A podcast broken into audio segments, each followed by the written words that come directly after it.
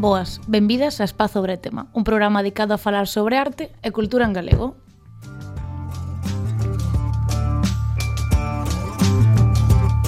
Que maravilla el programa 2. Ora, vale, que pasa? Son única que se alegra de vir aquí. Xa, cada día, cada día está contenta, é increíble. Gravamos unha vez ao mes, se o día que veño non estou contenta, igual non veño, eh? Bueno. O sea, así non dá sentido.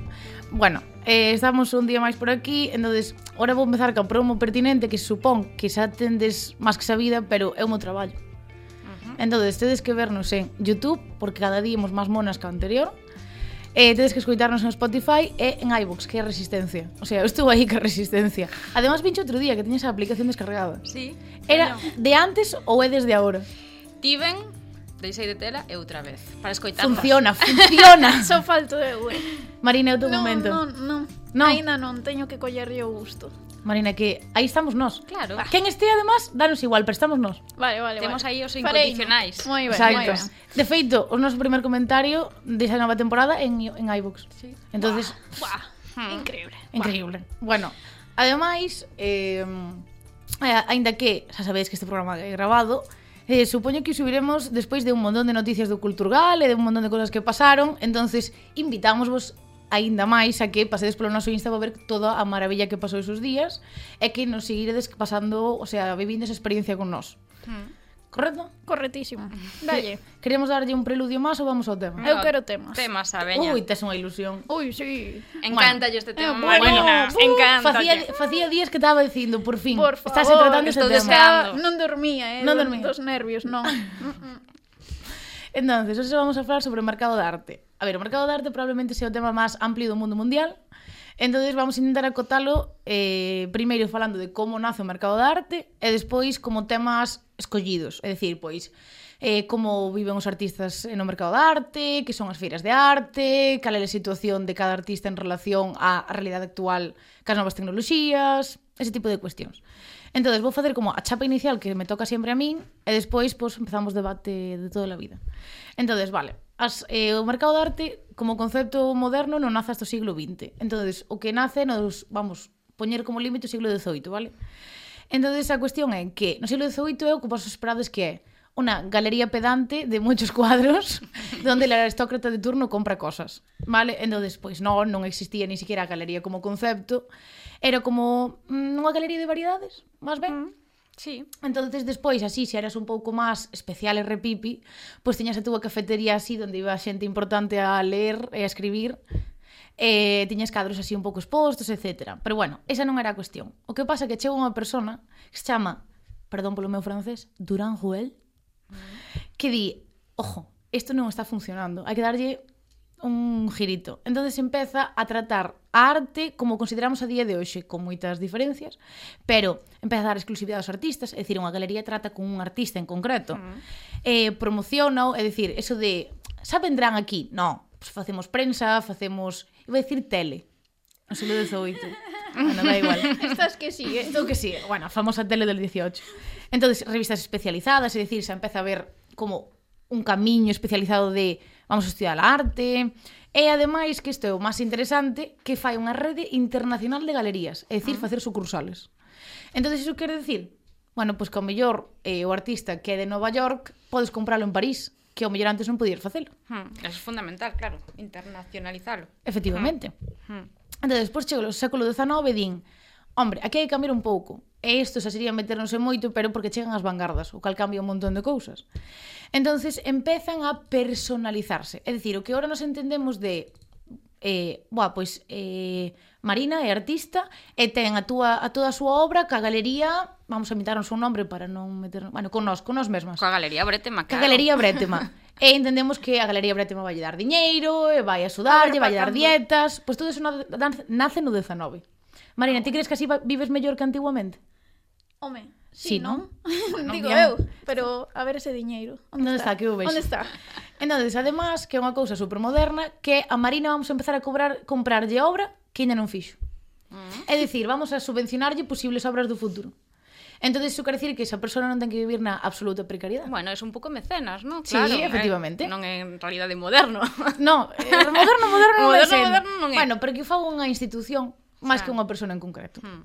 E pois, e eh, vamos indo a pasos acelerados, pero é para poder abrir debate, eh, empeza o século XX. O século XX é un cambio radical porque hasta ahora que movía mmm, todo era Europa. Entonces chega de Estados Unidos, ei, un momentito, tengo unas cosas que decir. Hmm. Entonces aí é cando de repente se falla como a figura do artista como estrella, por exemplo, Andy Warhol. E, e además de eso, hai galeristas que se dedican solo a unha persona. Eh, vou dicir o nome dunha persona que seguramente eh, pronuncie mal. Donde está este señor? Por exemplo, eh, Can, Can Weiler, como se pronuncia en alemán, solo se dedica a Picasso, por exemplo. É o seu único traballo. A partir de agora vou a vivir bueno. de comprarlle a súa obra. Bien. Que lle vai salir rentable. Eh, sí. Sí, sí, efectivamente. Sí, sí, sí. Pero é unha aposta. Sí, hasta, sí. Que, hasta que Picasso dou pasta, era unha aposta. Hmm, Además de eso, de, eh, empezamos a ver arte como industria. Totalmente. Véxase, mm, Warhol outra vez como exemplo. Vamos a facturar, facturar, facturar. Saca, eh, saca lámina, saca lámina, saca cadro, saca cadro, saca cadro. E además de que como nacen eh, mm, movimentos artísticos especializados, hai que facer galerías para eles. O land art, o minimalismo. Entonces, vamos vendo que cada vez se acerca máis ao que nós entendemos como Galería de Arte a día de hoxe. Uh -huh. Entonces, hasta o punto de, eu creo que a Galería de Arte a día de hoxe está como o teu conselleiro. É dicir, eu digo che que che vou comprar obra, que che vou axudar, que che aspoño, que che busco patrocinadores, que hai, hai incluso que hai galerías que teñen revistas ou publicacións. Entón estamos chegando casi a individualizarnos, non? Eu aposto por ti. Ti eres o artista, quero que che vai ben. Claro, totalmente, ten que apostar por ese artista, ¿no? Porque mm. eh, a galería é fundamental para que o artista se dé a coñecer, para que leva a súa obra, pois pues eso, a diferentes feiras, a diferentes museos, e, e o, pois, a canle que emprega non? Os, ar, moitos artistas para, para eso, para darse a coñecer, para poñer as súas obras na, na venda, non? no espacio público. Hmm. Mm. Pero ás veces tamén ten os seus contras. É dicir, hai galerías que eh, teñen pois como contrato de que só poden estar con eles, por claro, exemplo. Entonces, e igual, claro, exclusividade, igual non poden abrirse a novas cousas por esa por ese contacto ca, ca galería, non? Entón aí a mí tamén teme un pouco un, Sí, pero eu creo que hai artistas que son, pois eso, como artistas de estou no meu taller, no meu paradoiro, mm. non quero adicarme a cuestións que van no fora. Claro, quero vivir sí, da sí, miña sí. arte, pero ao mesmo tempo pois de iso non é máis de terceiros. Que se encargue outro, claro. Claro, claro teño...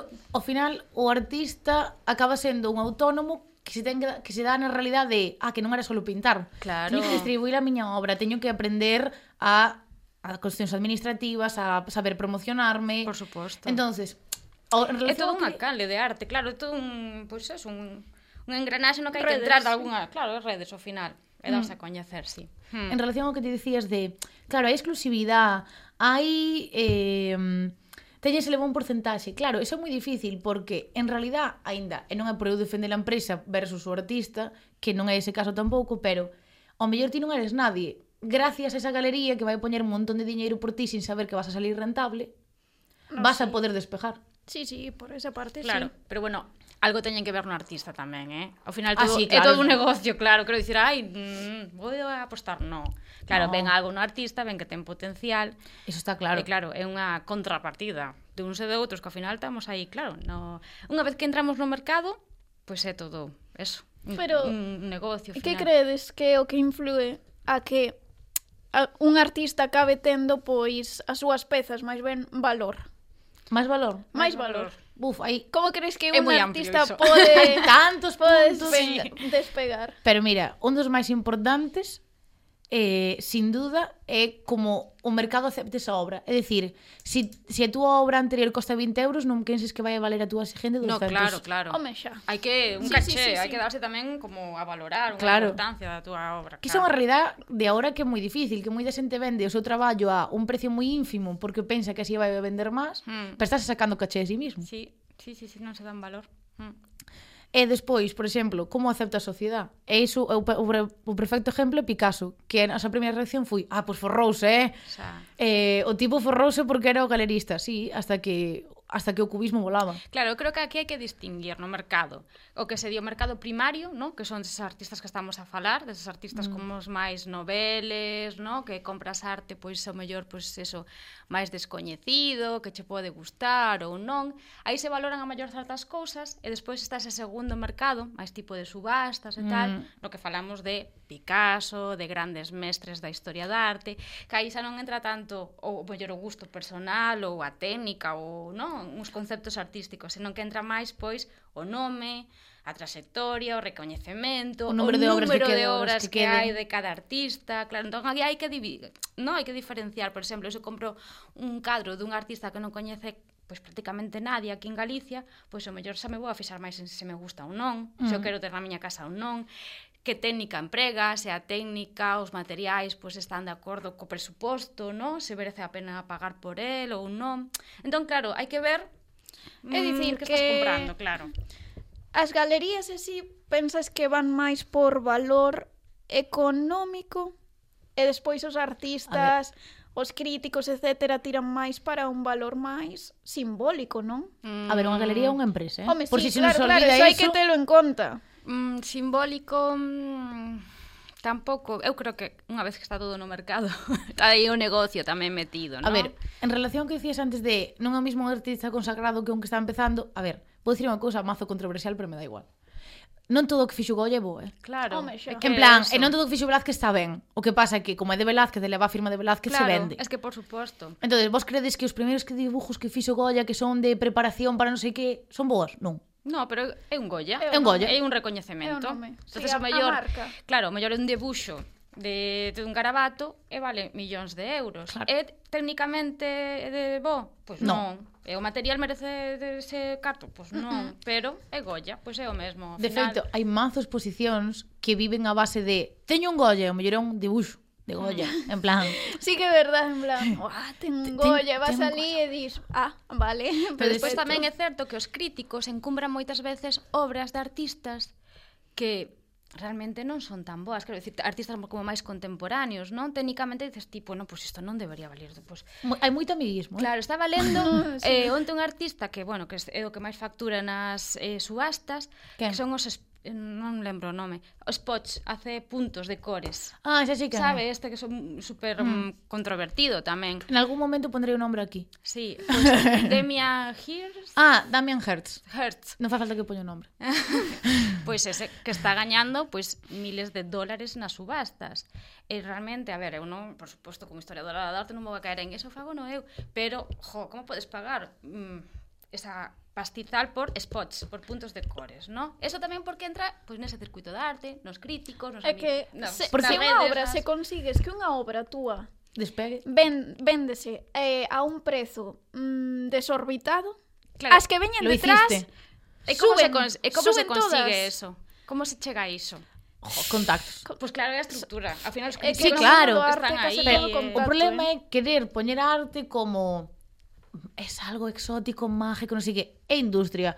É como se si queres de repente cantos cantas marcas de mm, de bebida hai. Hasta que hasta que unha triunfa é esa, que ten un marketing bo, a que ten non sei que, bien. E como ese valor engadido, non? Mm. Vos pensade, hai xente que ten moitísimos cartos, pode comprar o, case o que queira, mm. pero a arte ten ese valor engadido que lle dá esa estructura artística, ¿no? que di, ah, esta persona, este Demian Hirst, tal, pois pues, se tes unha obra dele que eres, vamos, estás como no, non hai un, tamén nunha élite parece... case. E cómprese para vender. Sí. En moitos casos cómprase para vender. Pero hai xente que tamén compra como eu teño estudiar claro. eu son unha persoa moi culta eu son aquí e tal en realidad un igual Kuntz. non tes ni puta idea claro, do, é unha forma final tamén de distinción social claro, ¿no? claro. a ese nivel non creo o sea, vou ser bastante duro pero a ese nivel non creo que a peña que compre arte compre arte pensando en Buah.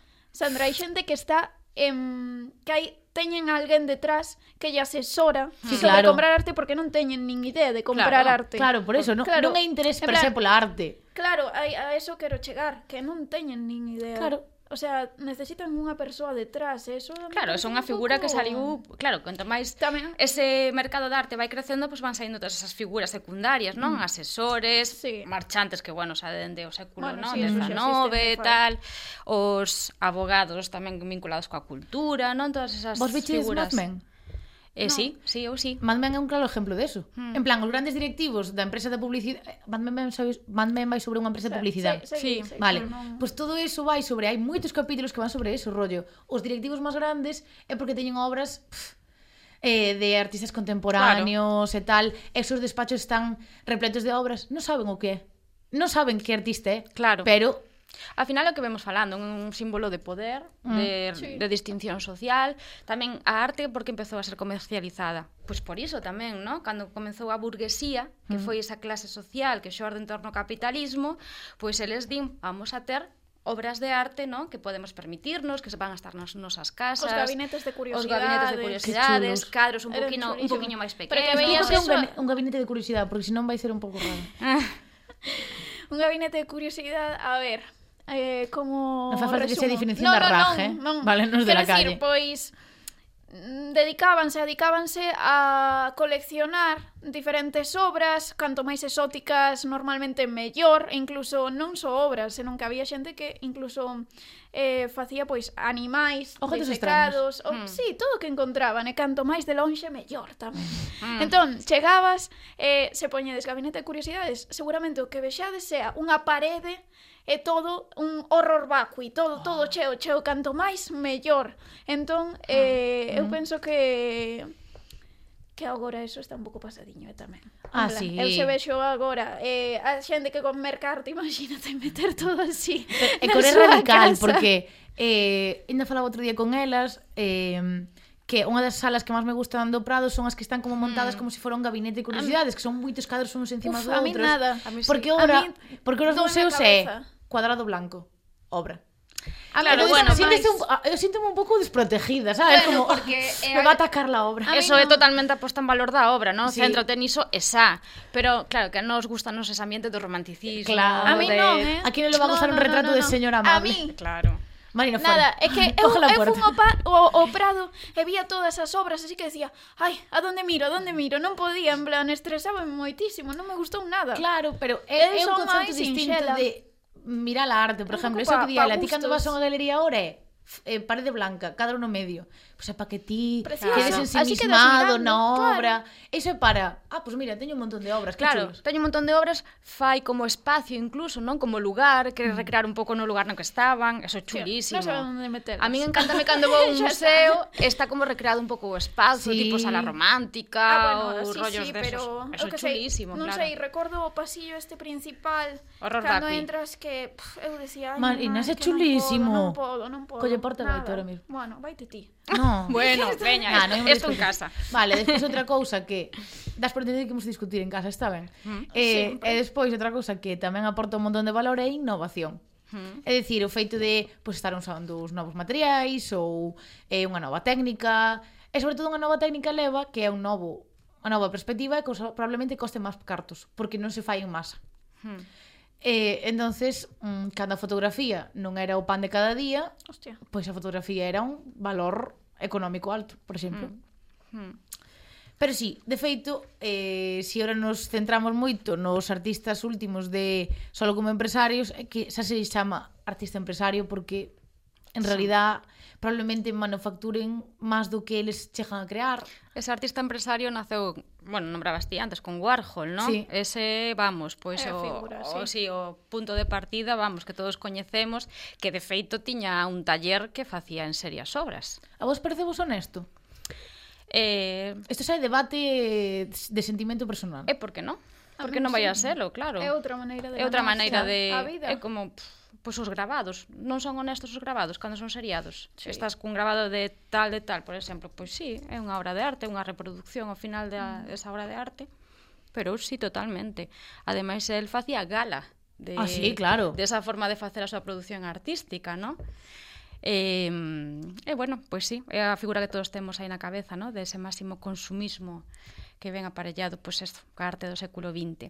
Eh, bueno, a partir de agora tamén, o que decías, entra a Estados Unidos, pero eh, entra tamén pois, pues, ao mercado asiático. ¿no? Eh, China é o maior consumidor de eh, arte contemporáneo hoxendía en sí, subastas. De feito, sí. moitos arquitectos non teñen teñen como mítico Londres, Berlín, sei que, Xangai. Sí, sí, sí. E algo tamén eh, pois tipo Abu Dhabi tal, bueno, esas grandes fortunas, mm. non? Pero esta globalización, esta mercantilización tamén chega un pouco da man das das feiras, Totalmente, porque realmente claro. foron as que buscaban que un arte, pois como decías, que está en París, pois que poda chegar eh, calqueira persoa do mundo e eh, compralo. Hmm. Entón, eu penso que aí foron as máximas responsables tamén, que mm. teñen as súas cousiñas.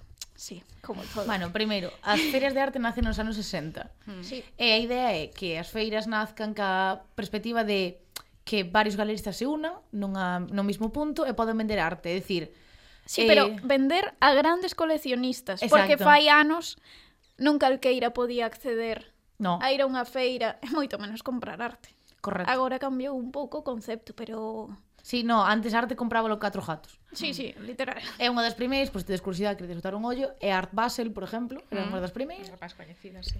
Entonces, que ocorre? Que pouco a pouco fuise democratizando as feiras de arte. Pero no principio é iso, non? Xuntar a creme da creme, darlle uns pinchos, darlle uns cotres e comprade, gasta de cartos.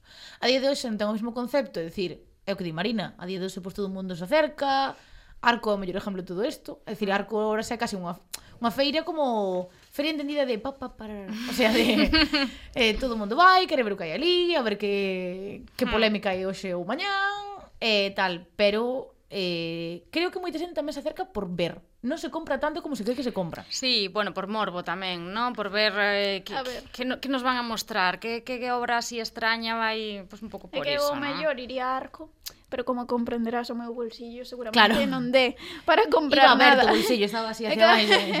eh, entón... Bueno, eu entón, nunca fun, pero supoño que haberá fun, pero... un pouco de todo, non? Ou, ou son cifras astronómicas nada no, máis. No, é que é o problema de, da feira de arte, das que se ven na tele, Arco, Ti solo, jolín, a mí non se vai olvidar nunca non me acordo en que ano foi, pero o do plátano que cinta aislante no medio da parede. Última, non? Foi na última. Eu penso que sí. Non sei. O último uh, antes do última, sí. sí, sí, sí Entonces, claro, se só enseñas eso, tamén fai que a arte sea pouco accesible. Porque se ti te crees que a arte é un plátano cunha cinta aislante, pois pues non vas a ir, sabes? Xa, claro. O sea, mm. non me gustou a mí. Eh, a ti supónse que nadie, joder. O sea, supónse que, que estudiamos para estas cousas Bueno, eh, pero buscan non... chamar a atención Claro, sí, claro, claro. que é máis eso que, que arte Además, os, os antemas polémicos tamén fora un do rei Un do rei, ese sí que me acordo Non sei mm, exactamente unha figura do rei, unha, Si, sí, era como, non sei, non me acordo exactamente como se chaman, os de Valencia que os queiman. Si, sí, as eh fallas. Fallas. Gracias, mm, chicas. Como notes, é como que os queimaba e todo este rollo, pois pues ese tipo de cousas. Pero despois que habrá para todos os bolsillos, cara, entender que sí, non? Non todas as galerías son Eu penso que sí, claro, a ver un pouco de todo. Home, a ver, non serán toma 5 euros, pero, no, pero 50 pero mellor a partir de eso 100, 200, unha cousa así, sí. Sí, bueno, mm. sí, ademais eh, isto encontrase con eh, e donde eso... enseño a mm, miña mm, arte, xa. se si non é aquí o mellor. Claro, a ver, unha plataforma, por suposto. Hmm, unha plataforma das de coñecer, non hai, non hai dúbida. E vos vades a arco que que diríades que que criterios teríades para comprar, además dos cartos, non? Pensade que, bueno, vades ben sobradas. Que criterios tedes? o facía tempo que non tiña dando carto na, na cuenta. Que sería gusto personal? Sí. Eh, dis... Eu tiraría, bueno, nome, Ou hai un Saura, por exemplo, eu... no mal de prezo... Nome, eres nome así, de artista... Eres así de litista, María. Espera un segundo, que vou poñer os meus puntos. Ah, vale. A ver. Artista e gusto persoal. Quero ese orden? Sí. Estado sí. de conservación. Home, sí, todo eso que Entendese eh, que deprimir. primeiro. Claro, claro, eu, eu claro, entendo bueno. que está que está en bo estado. Bo estado Se teño que despois gastar iso. en unha restauración, non sei que, si, sí, home. E autenticidade? Está... Home, eu agora en teoría teñen que vir tasada. sempre, sempre con, con, tasada, con papeliño sí, tasado, autenticidade e tal, senón hmm. eu non compraría nada. Hmm. O sea, parece moi complicado. Hmm. Eh, o sea, eu non estou preparada claro, para feira saber... de arte non, non é como unha subasta. Claro, claro non hai... Claro, sí, claro, sí. claro. Jo, en comparación a Marina son mala historiadora da arte. Por que? Eu non buscaría por nombre, porque me daría un pouco igual, en realidad. Porque a mí o que me gustaría ter é un Velázquez. O sea, se si non estamos máis abaixo de eso, paso. Pero entonces, en arco pero, non vai haber un Velázquez. Claro, entonces, claro. entonces sería, este é chulísimo para mi habitación. eh, o nome Porque Marina por... pensa despois o mellor. Claro, Marina di, "Uy, como lo voy a revender?" Que usurera, Marina, negocio, que usurera, negocio. negocio. Claro, no, eu creo que eso. E despois, sobre todo, que únicamente que me fose dedicar ao coleccionismo que fose realista. Non me podo poñer un cadro 3 metros na miña casa. Home xa. Entonces creo que hai moitas veces que moitos artistas apelan a esa realidade de vou crear algo que se me podo comprar de verdad. Hmm. Hmm. Hombre, que non lle queda máis remedio. sí. E tampouco podes comprar, por exemplo, a min eu non son moi de arte contemporáneo, verdade? Eu non nos, gustaría... non, non, non nos daremos cuenta No, verdad. Eu compraríame algo moi barroco, máis barroco que existira, pero un retablo. o problema un retablo. Marina pola mañán, que guapa estás. Eu viviría nunha igrexa co retablo, cas cousiñas Dilo, Marina, que é a figura central do teu retablo?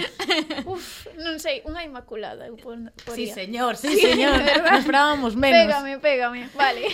O caso é que Agora, nas feiras, nas subastas, en todo, non, tamén é certo que case todo o que existe é arte contemporáneo. Quero dicir, a min gustaría máis mellor algo máis barroco, pero case sempre bueno, vai pero... haber arte contemporáneo porque as grandes pezas subastas... normalmente son adquiridas por museos, cada vez hai máis mm, en mm-hmm. museos. Mm, mm, Ese correcto. non xa están en coleccións privadas dende fai moito tempo, entón tamén pareceme un pouco menos accesible poder conseguir obras de dese de estilo.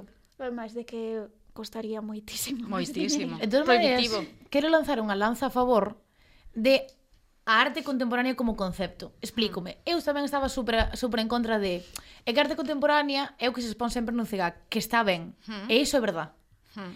Pero arte contemporánea tamén é, é self-promotion, pero é verdad, é o que temos nós, o sea, seguir facendo láminas ou eh, ser facendo láminas ou seguir facendo eh, pintura ao óleo ou seguir facendo non sale cerámica, Grazas. escultura, cerámica. escultura cerámica, sigue sendo arte contemporánea. Contemporáneo claro. é actual. Por supuesto. Entonces, claro, claro, si nos imos sempre a decir que arte contemporánea é pois pues, o clásico broma de unha raya no medio e dicir soledad, non é o caso. Claro. no, a ver, eu non esto, non pola miña banda eu non critico iso, o que critico é que eh, toda a estructura, todo o mercado de arte que se crea ao redor de puntos de cores ou rayas.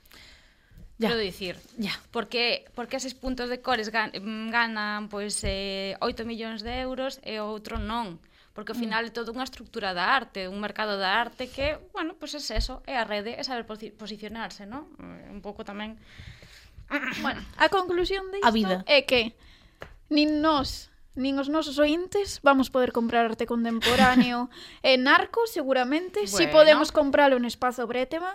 Ah, eh, esa eh, promoción. E con esto vamos pechar esta sección, porque eh, teño moitísimas ganas de estrear unha nova. No pasado podcast dixemos, bueno, vamos pensar unha nova sección, temos ganas de cambiar, mm. e o que o que máis nos apetecía era pois coñecer a xente, non só nós, senón todo o público. E eh, vamos facer iso. Entón, eu vou presentar o noso invitado de hoy, o noso primeiro invitado. Eh? Eso é exclusividade. Mm. Entón, vamos ter con nós a Rodrigo Míguez.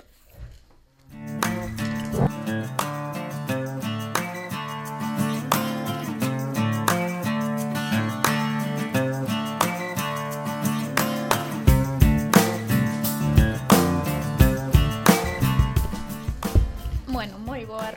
¿Qué tal? ¿Qué tal? Pois sentíndome moi afortunado de ser o que estrene esta sección, a verdade, eh? A ver, a ver, igual eh, depende de ti que isto se, se estrelle ou siga pa diante, eh? Nada, non sei, non é por presión, non eh? é por meter presión, Nada. pero mm, vamos ah, a ver. Marina como presentadora fai non tan, eh? Sí. É que por que non presento eu sempre? Mira que ben me senta este sitio, porque arruinaría todos, pode ser. Marina bueno. en silencio todo o programa. Ei, non estades falando os demais? eu sentindo, sí, sí. Bueno, vamos a darlle protagonismo o que ten ben. Vale. Eh, Rodrigo, antes de facer unhas preguntas, algunha igual un pouco comprometida, eh, queremos que, que te presentes un pouquiño para coñecerte todos. Pois eh, eu son Rodri Míguez, so, eh, fago contido en redes, bueno, son xornalista musical e ademais pois creo contido para plataformas como TikTok, Wow, Qué, que duro dicir. Que, eh, que moderno, eh, pero TikToker, so, eh? sona ben, TikToker. Como sona O noso primeiro invitado, mía. un TikToker profesional. Ora dice creador de contenido, por si queres, sí, por no, si non no, queres no. quedar eh, tan tal. Eu tamén fago iso cando falo coa miña familia. Ti que fas? En plan, por que levas todo o día na cama? No, eu son creador de contido, mamá, non, non o comprenderías. É un concepto moi moderno, sí, igual, sí. non? Bueno, entonces, se fixeches eh, xornalismo, como é que empezaches aí no mundo musical? Pois, eh, boa pregunta, eh, a verdade. Eh, eh Empezamos eu ben. levo, levo como toda a vida querendo facer xornalismo, miña nai sempre estaba de pequeno, ai mira como comunica este chaval, eh? este chaval va para presentador, va para presentador de la tele. E iso, a min o que me gustaba era comunicar. Eu dende pequeno, como eh, home heterosexual nacido eh, no 97, era como, no, xornalismo deportivo. No, pero chegou un punto no que cumplín 18 anos e comecei a ir a concertos e dixen, no, amigo, no. Esto mola. No, amigo, que, que deportivo, no, eu quero facer de música.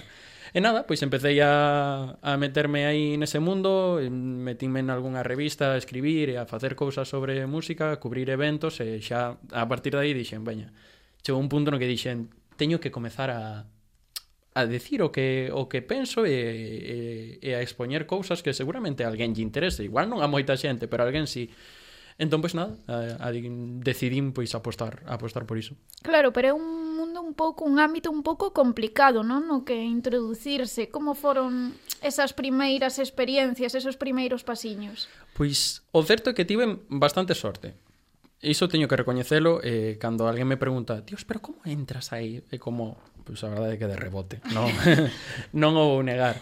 Foi así un pouco como, vale, na revista da universidade na que eu estaba, pois eh eh, buscaban xente e dixen, boa, vou meter. E dixeronme, mm, sección? E dixen eu, non sei que tedes. Vocación baja. Era como, vale, sabía que política se me quedaba un pouco grande e dixen, bueno, imos a cultura tal, e dixen, ah, bueno, pois que sepas que eh, se te metes aquí, pois podes acabar, non sei, cubrindo festivais, concertos, e dixen eu, eh, ah, pois iso, iso, iso, iso, iso está moi ben. Empecéi aí a meterme no mundo e xa cando, cando marchei desa universidade, pois apareceu na miña tele de Twitter un buscamos redactores para unha revista especializada en música electrónica. Eu como, a mí me gusta a música electrónica, fago xornalismo, un máis un dous, dous. entón...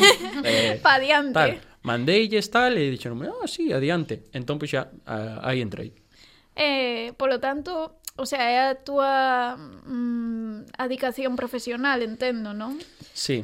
Eh, chegou un punto no que tiven que tomar a decisión de apostar por eh, poder comer a final de mes ou, ou eh, seguir por ese camiño entón pois eh, agora mudei un pouco pero eh, traballo en comunicación de festivais e artistas ou seja, eu era a persoa que estaba detrás de todo iso. da mm, conta do Son do Camiño cando anunciaron que Bad Bunny non viña e recibiu todas esas amenazas. Esas sí. entradas que tiven que revender, pero por traballo, eh? non foi por linchar. Buah, iso foi duro, eh? Foi duro. Para, uf, uf. Para que vos falades a idea... Todos os comentarios aí...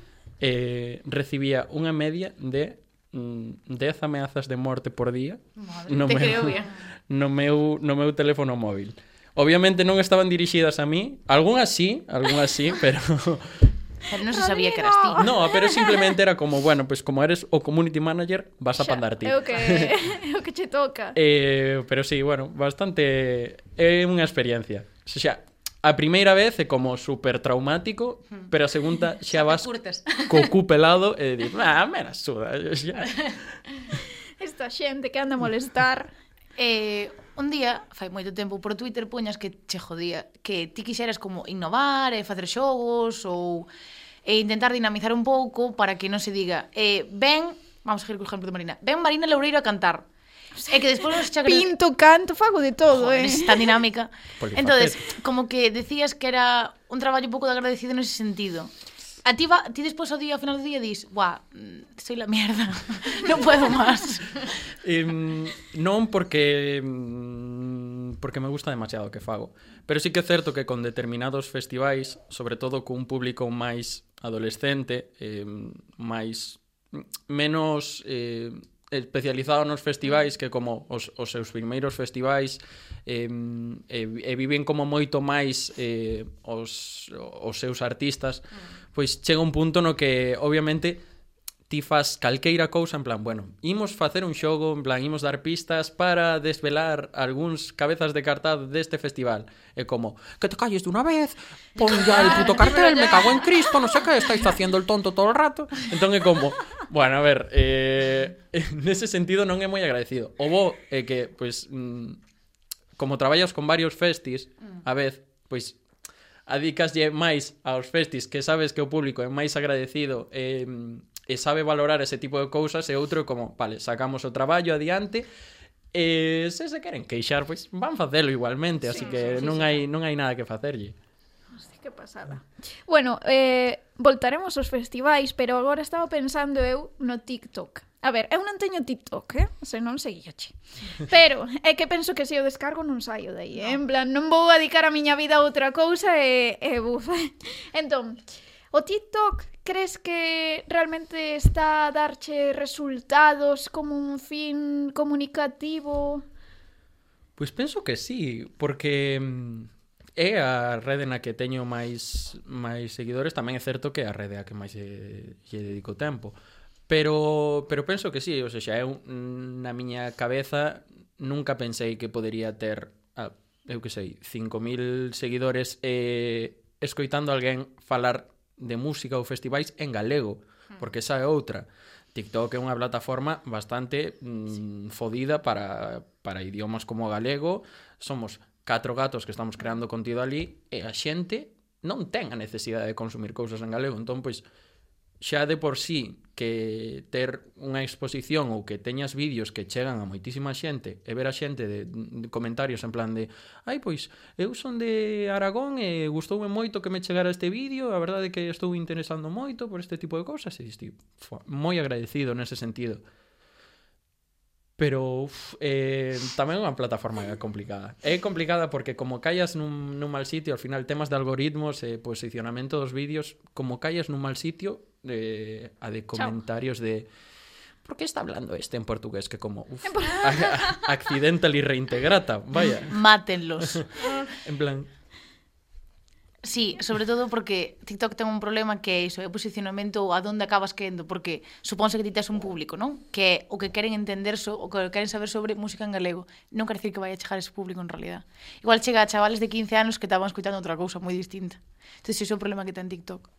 Sí, é certo, pero tamén é a oportunidade de chegar a moitos sitios onde con Twitter ou con Instagram pois non poderías chegar. Ti tes unha rede En Twitter eh, podes mm, subir un fío falando de artistas en galego que non vai sair moito máis do do círculo ese que lle pode interesar iso. Pero, sen embargo, como se posiciona relativamente ben un vídeo en TikTok, pois pode chegar a moitísima xente a que non lle interesaba prácticamente nada e tamén lle podes estar xerando unha necesidade. Chicas, próxima creación de Espazo Bretma ten que ser TikTok. TikTok. Vas a salir ti nos vídeos? Ah, no. Facendo bailecitos. Cos bailes así. Marina, sobre todo, seguramente sea a primeira que sale en TikTok. Sí, sí, seguro. Presentamos ca miña figura. Pero teño aquí anotado un, un vídeo, acordarme del, eh, que é un dos que máis repercusión tivo, que é o de mulleres que cambiaron a música galega. E o que máis nos gusta pois non só é ver caras como Cristina Pato, senón María Aurea, que bueno, para que non o sepan, é a primeira eh, gaiteira documentada, eh, Maruxa Villanueva, etc. etc. Entón, cal crees, eh, crees que é importante reescribir a historia e poñer en valor os artistas galegos do pasado?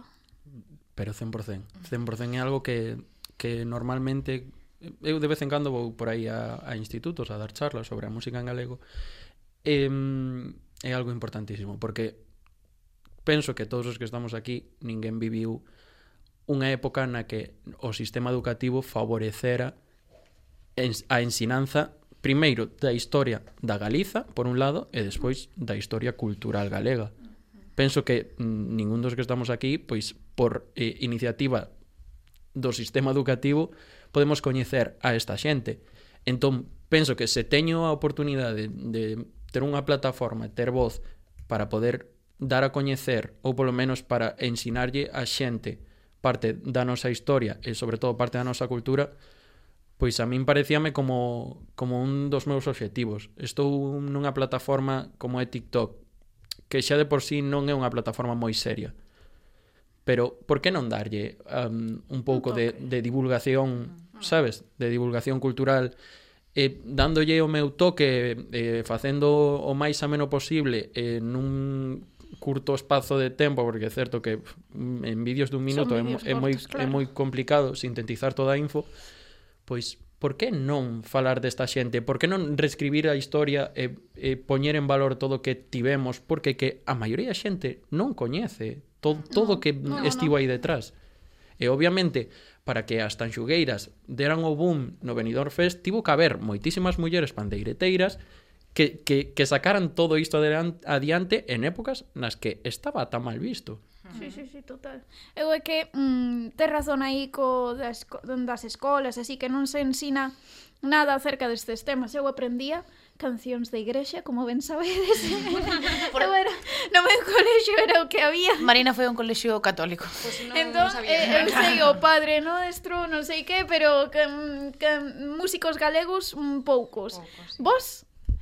Na miña casa somos moi de eh, o que se denomina unha playlist propia da miña casa que é galegas como concepto. Anaquiro, un éxito eh, Juan Pardo, ese tipo de cousas, esas seinas, pero non teño como, e mira que son consciente eh, de escoitar moitas cancións, sobre todo gracias a meu pai, pero non teño como cultura de, vale, eh, ti fixeches un vídeo sobre Anaquiro. Sí. Vale, eu non sabía iso de Anaquiro. Conta iso, que é chulísimo o de que se enfrentou a discográfica? Pois eh, sí, efectivamente, Ana Quiro facía música en castelán e Ana Quiro era estaba bastante ben posicionada dentro do ámbito español. Pero Ana Quiro plantouse diante da súa discográfica, que era unha das tochas aquí en, en España, e dixo, pois eu quero sacar un disco en galego, porque é o que me peta a min, é, o meu idioma e quero facer música en galego. Porque ademais ela tiña pois moitas influencias de, da, da música tradicional galega e demais.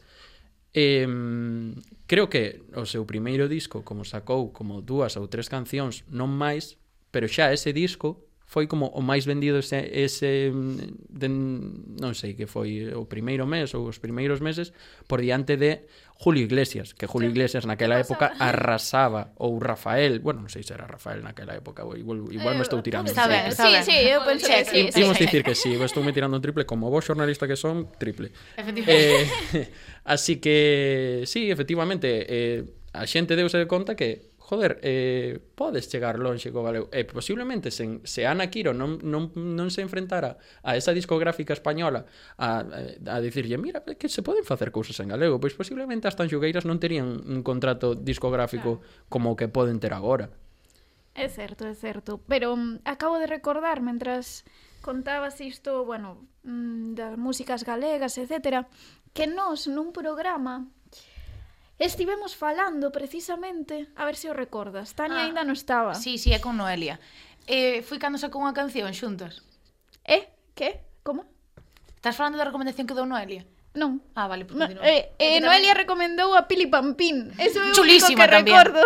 non, quero dicir que unha vez tratamos o tema de que nos festivais e así non había moita música galega, que nós non coñecíamos xa de por sí moita música en galego. E eh, a pregunta é, Non só nós, senón que isto é máis generalizado. Pensas que é porque non é accesible ou porque non hai moita información acerca deste tema? Eu creo que porque non se ha posto suficiente porque accesible é, está en calqueira plataforma como é YouTube, Spotify, en Apple Music, calqueira eh, aplicación que utilices podes ter música en galego. O problema é que non ten a visibilidade.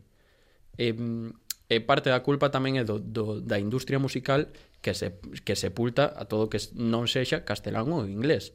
Porque a día de hoxe, tipos a radio, e non hai nada en ningún idioma que non sexa castelán ou inglés. Coreano. Certo. Ligeramente coreano. Ligeramente. Dúas cancións. De BTS nada máis. Efectivamente. Pero... Jolín, cada un ten a cuña publicitaria do que pode. Aí está, ben feito. Pero sí, é certo, eh, posiblemente, mira, é que a última canción que foi número un eh, de, dunha radio xeralista de música española que non fora en castelán ou inglés é Andrés do Barro. Andrés do Barro, estamos falando de 270 e algo. Quedou, onde quedou? Estamos falando de 50 anos.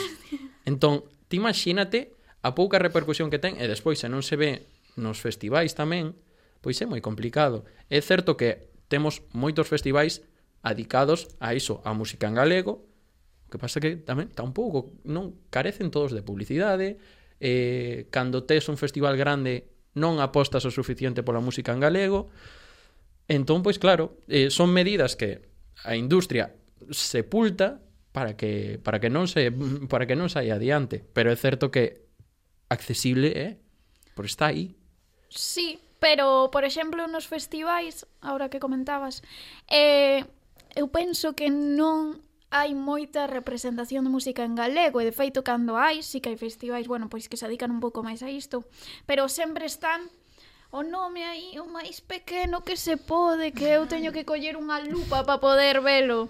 Entón, A ver, está ben, porque, joe, que xa se metan, que se, que se pense, que se aposte por eles, está moi ben, Pero entendo tamén a parte de que se queres chamar a un público, pois mm, tira máis mm, Bad Bunny agora mesmo que eh, calqueiro outro, pero non sei, é que están tan pequeniños que eu non sei nin que nin que van, sabes, a maioría das veces.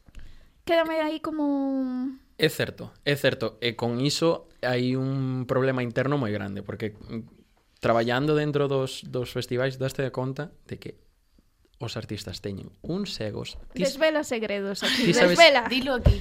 Ti sabes a cantidad de hostias que hai entre artistas porque o seu nome vai máis pequeno que outros nomes no cartaz e, está, uh. e, e que literalmente se caen do festival porque non teñen o nome o suficientemente grande como eles queren. Madre mía. Hostia. En serio. É 100% certo. Xa, a cantidad de artistas que se caen dun cartaz porque de que non chegan a firmar o contrato porque din eu quero estar máis cun nome máis grande que X persoa ou considero que o meu nome debería ir moito máis grande do que vai así deles, eh?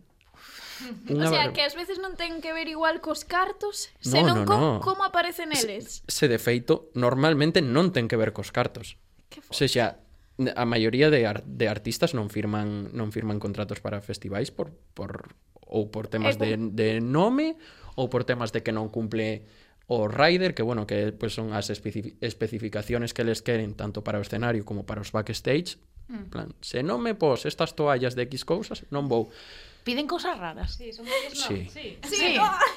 non dixas de quen, pero que cousa rara dixeches, guau, estás moi ah, flipado. Sí, a máis rara. A ver, eu, como estou no departamento de comunicación, non teño mm, relación relación directa a este tipo de cousas, pero a xente que traballa en produción sí que me contou cousas de animais exóticos no meu camerino.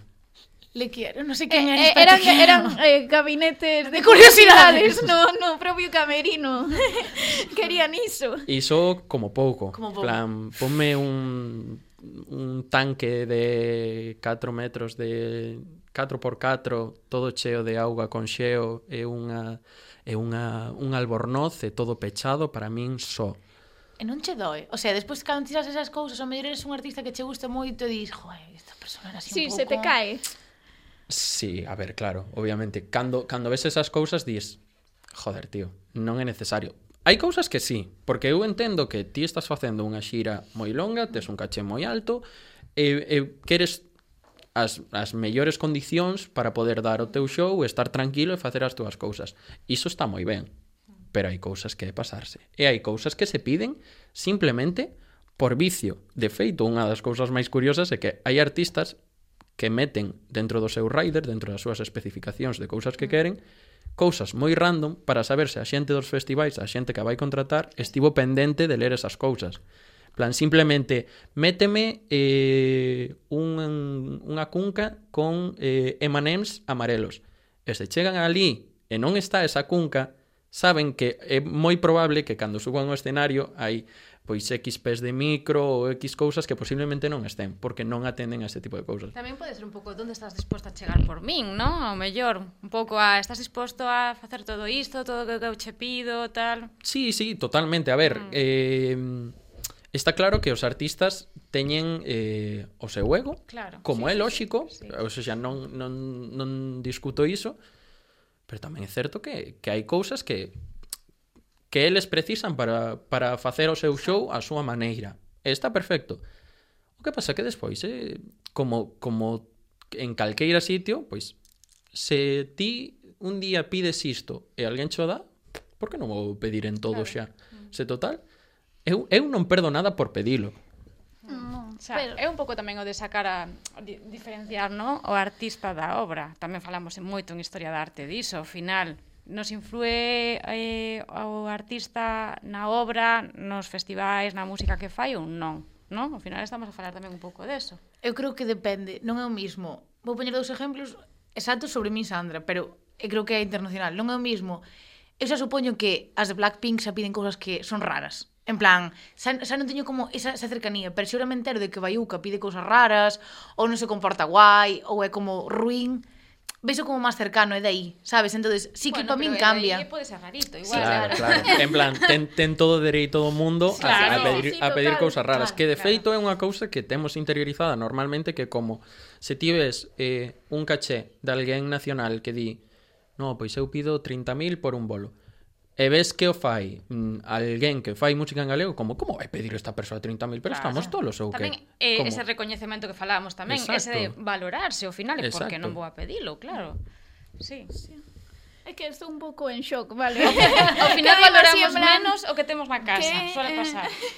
a ver, eu entendo que podan pedir pois eh, cousas máis mm, concretas pois para facer o seu show tal para mí é que o dos camerinos xa me parece un pouco excesivo bueno, a ver pues... cada un o que faga o que queira pero non sei, non creo que todo o mundo precise de ter un pavo real no camerino para poder sair a cantar, sabes? É que... É que... non sei. É que son ese tipo de cousas, quero dicir, é que ter toallas bordadas co teu nome non te aporta nada. No, no. no. Nada. Pa que? Eh, que vayas que o desplazamento de un aeroporto ao recinto sendo tres persoas o grupo se faga en tres autobuses. Hostia. Sabes, en plan Madre cada un nun autobús só para el. Non se levan ben, eh. Eso é, eso aí aí. Pero non non lle vale un aí, coche. Aí, no, Teña non vale. Autobús. Nada, non las tres vamos vir tamén cada unha. Cada unha nun, nun taxi. No, para o, que a xente non sabe que xa o facedes porque eu estaba esperando ah, fora e xa vin claro. como chegastes Pero, eh, cada unha. Pedimos que desvelases segredos dos ah, músicos, no, non no, nosos. No, aquí estamos para, para desvelar todo. Pois pues mira, xa que vas por aí, vouche facer unha pregunta un pouco máis aí, a ver. Cagueina, merda. A ver, vamos a ver. Cal crees Podes responder ou non, eh? Isto xa. Cal crees que é o mellor festi de Galicia e cal crees que é o peor? Podes non mollarte, eh? Joder. Entendemos que é unha Na... situación comprometida. Nada, así, tranquilísimo. eh, claro, é que é moi relativo. Que, que, en que, en que basamos que é mellor ou peor? Para ti. Dios. o teu criterio. Claro, tu... claro, mira, eu este verán estiven en 16 festivais. Hostia. Suficientes. eh, para min, o mellor deste verán foi o Armadiña Rock. Dirás ti, por que? Festival gratuito, dous días, bastante pequeno, en Cumbarro. O sitio, precioso. Non é non dura moito, é de balde, o camping estaba tamén de balde moi ben, non había moita xente, ah, non eh, nada. estaba Iso é porque non me sigues en TikTok, porque no, eu subo estas cousas. Vou descargar TikTok e seguir porque perdemos, estas perdemos cousas. a Marina. Perdemos a Marina en TikTok. Pois, pues, non volvo a traballar no seu. Teño que recoñecer que mm, os vídeos que menos me gustan a mí, pero que máis se gusta a xente, eu nos que informo destas cousas, en plan, bueno, pois pues tes este festival que vai esta xente, estes días e tal. Así que, non sei, ti verás, eh? E que organiza o Concello. Pero eh, a, organizou aso unha asociación dali de Conbarro. Ah, oh. eh, pois iso, combina música en galego con, con músicas así máis urbanas e está, está moi ben, de verdade. E as instalacións, en plan, todo o tema de baños e duchas, que é un dos temas que, claro, sí, que máis, eh, máis complicados, buah, sí. pois mm dos mellores nos que estiven que, que eu xa ia con medo en plan bo, a ver que me atopo aquí genial pero antes de incidir un pouco en cal é peor. Non nos Dime conta de que eh, non nos diseches o teu, bueno, a nós, o público cal é o teu arroba para ah, poder mm. seguirche, porque, a ver, vamos a ver, tanto subo, subo, pero a xente non sabe como atoparte. En TikTok, arroba Rodri Míguez. Rodri Míguez, sencillo. Eh, para toda a familia. Para toda a familia. Pondré no aquí de todas maneiras. No, vai. Aí está. aí está. arroba Rodri Míguez. Eh, aí xa me atopades. Ben eh, esperamos... A miña, que... a miña edición. Como? Claro, a miña... Ah, non, ah. esta... Ah. a túa edición é maravillosa, eu aprecio. Mm. Pero estaba esperando a que a xente Eh, eh, que faz ti xesto? Esta sinvergüenza. Esperamos que a xente que nos está escoitando, que nos ve tal, que delle aí a seguir a mm. Rodri. Vamos a ver que está mollándose aquí e vai nos decir cal é o peor con eh, Festi. Um, non che podo dicir o peor porque Mm, porque Estaría non, feo, mm, eh? eh e non o teño claro tampouco. Non des nombre, di algo que non che gustara. No, eh. exacto. Vale, que, eu... que é o que menos che gustou dun festival deste ano? Uf. Sin decir o nome. Pois mira, Vamos eh... a cambiar. Eh, moi boa, Sandra. Eh... Non o pasei moi ben no camping do Festival Ortigueira. Ah, bueno, di nome, di nome. Vale, eh... vale, estamos ben. Pero por qué? O sea, o Festival de Ortigueira é fantástico, todo o que envolve o festival é maravilloso. Pero o camping para min é unha selva. Porque sí, algo me comentaron sobre iso. Iso é no sí. medio do monte, é un en plan acampada libre, no medio do monte hai catro baños e catro duchas para 10.000 persoas, 20.000 persoas. Saludable. Eh, sí. Nada, Bien, tres, higiénico. tres postos de nada de, de comida así rápida, tal. E despois que a xente é unha porca. Pero eso, pues eso. Eh, eso sucede en todos no, lados, todo, sei eh, que é no, o peor. Non, non quero estigmatizar, sí, sí, eh, sí, non sí. quero estigmatizar ao público do Festival de Ortigueira. No, en todos. Pero a, uf, o que vin eu ali, de verdade que, que non se... Quedou bueno, traumatizado, non eh? Persoas catro baños, quero dicir. Claro, claro. A desesperada, xa. Que para min é como, igual se melloramos este aspecto, claro, mellora outro. Claro. Dios, pero foi duro, eh? eu, eu saí un pouco traumatizado. Eu saí Ese che nos ollos, eh, que estás aí... eu saí dali pensando, bueno, para o ano igual é mellor pillarse un apartamento porque non vexo moi alá quedar no camping. Nada, cosas simples como ducharse que é unha é unha cousa que lle gusta a xente, é un capricho do bueno, que te Nos festis non te creas, eh? A xente pode prescindir de ducharse. Sí, Eso xa, certo, eh? Mm, bueno, mm, Marina non, Marina non pode. Pode. Marina de ducha religiosa todos os días. Despois do rezo. Non por eso. Bueno, podería ser, ven, tamén. Venden bueno. de pequena ducha religiosa, entón. que te pasa? Nada, continúa. Bueno, eh, o tempo non nos dá pa máis, pero estamos encantadísimas e moi moi agradecidas porque ademais fixe un esforzo mm, eh, increíble que veu así a última hora. Que, entón... que non vos mintan porque son literalmente nini e non tiña nada que facer. Pero podías estar valor. vendo a, a televisión na túa casa, eh, no sofá, ben tranquiliño. E non, viñeches ata aquí, entón nos estamos moi agradecidas. E, e nada, e, a despedida xa fai Tania que é o seu papel. Vamos, Tania. Bueno, pues eso, moi agradecidas porque estiveses con, con nós. Nada, eh... Agradecido eu de verdade pola invitación e por ser o primeiro que estrena esta sección, o cal é unha responsabilidade demasiado grande. Non, non, é que como non teñamos visualización se nada, poucas nada. escoitas, eu culpo, eh? O sea, esperamos unhas entradas para un festi, ¿no? non volverei a pon... nunca nunca fun, eh, pero cada vez que vai a poñer un comentario aí ofensivo vou pensar en que está Rodri, Rodri o mellor detrás e que mm, queda feo. Está ben, eu se de aquí a o verán que ven traballo nos festis, que iso nunca se sabe, em, eu invito vos algún. Bueno, bueno tocamos queda, a palabra. Está grabado, eh? Isto está grabadísimo. Eh, queda. Bueno, pois pues nada, eh, despedimos entón aquí o programa. Eh, esperamos que vos gustase a todos e todas. Eh, vémonos para o vindeiro, polas redes. E vemosnos no Culturgal tamén. que non sei se chegaremos a, a tempo, non? a promo Vémonos completa. no Culturgal, porque eu vou estar por ali. Ah, sí? Sí. Bueno, What esto, agora, wow. agora no cafeciño... Eh, Xa falamos. Sí, falamos destes temas. Bueno, pois pues iso. Eh, graciñas por vernos. Adiós. Adiós.